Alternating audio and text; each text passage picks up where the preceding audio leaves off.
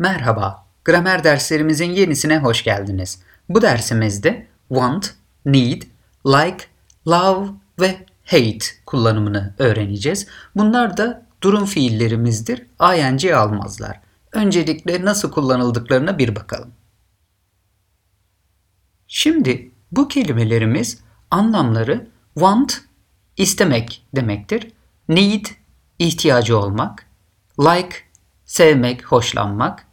Love, sevmek demektir. Hate ise nefret etmek anlamına gelir. Bunların arkasından doğrudan isim getirebilirsiniz. Yani artı noun diyoruz. I want water gibi. Örneklerine bir bakalım öncelikle.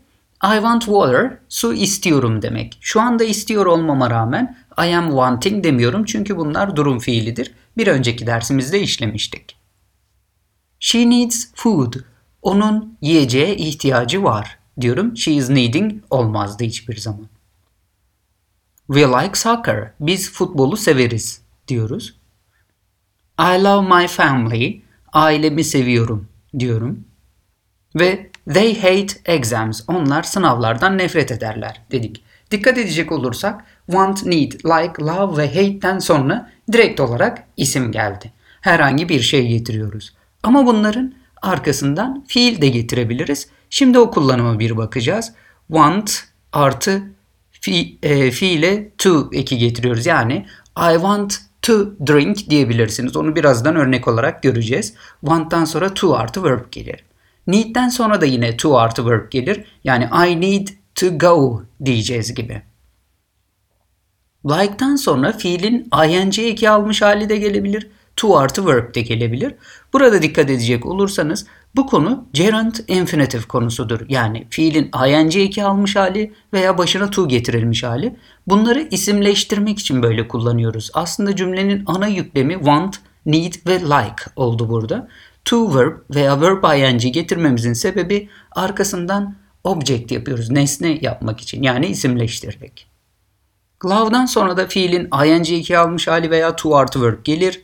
Hate'den sonra da yine aynı şekilde verb ing veya to verb şeklinde olacak. Peki örneklerimiz nasıl? I want to drink water.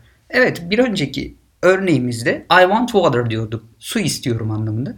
Burada da su içmek istiyorum. Su içmeyi istiyorum anlamında. Bakın orada içmek fiilin e, yani daha doğrusu cümlenin yüklemi değil isim olmuş oldu. She needs to eat food. Onun yemek yemeye ihtiyacı var diyorum. Bakın to eat. We like playing soccer da diyebilirim. We like to play soccer da diyebilirim. Yani biz futbol oynamayı seviyoruz. We like soccer da öncesi futbolu severiz anlamında. Burada da futbol oynamayı severiz dedik. Soccer Amerikan İngilizcesinde e, futbol anlamına gelir. İngiliz İngilizcesinde de direkt olarak futbol diyoruz. I love seeing my family veya I love to see my family diyorum. Ailemi görmeyi severim dedim. They hate taking exams veya they hate to take exams. Onlar sınavlara girmekten nefret eder demiş oldum. Şimdi bunları daha fazla örnekle pekiştireceğiz. Bakalım ilk örneğimiz Sally loves playing tennis. Sally tenis oynamayı sever dedik. You hate eating vegetables. Sen sebze yemekten nefret edersin. Bakın hate eating diye kullandık. We like to go out together. Birlikte dışarı çıkmayı severiz. Bakın like going out da olabilirdi. Like to go out da olur. She loves swimming in the sea. O denizde yüzmeyi sever. They want to eat ice cream. Onlar dondurma yemek istiyorlar. Diyoruz bakın want to eat diye kullandık. I need to do my homework. Ödevimi yapmam gerekiyor. Yapmak zorundayım anlamında. Bakın need to diye kullandığımızda zorunluluk oldu. Mike likes watching movies. Mike e, filmler izlemeyi sever. Dedik bakın like artı e, watching oldu. To watch da olabilirdi. They always want to earn more. Onlar her zaman daha fazla kazanmayı istiyorlar. Buradaki earn para kazanma anlamında kullandık. I need to go home now. Şimdi eve gitmeye ihtiyacım var veya eve gitmek zorundayım diye çevirebilirsiniz bunu. Need to zorunluluk anlamı da katıyordu.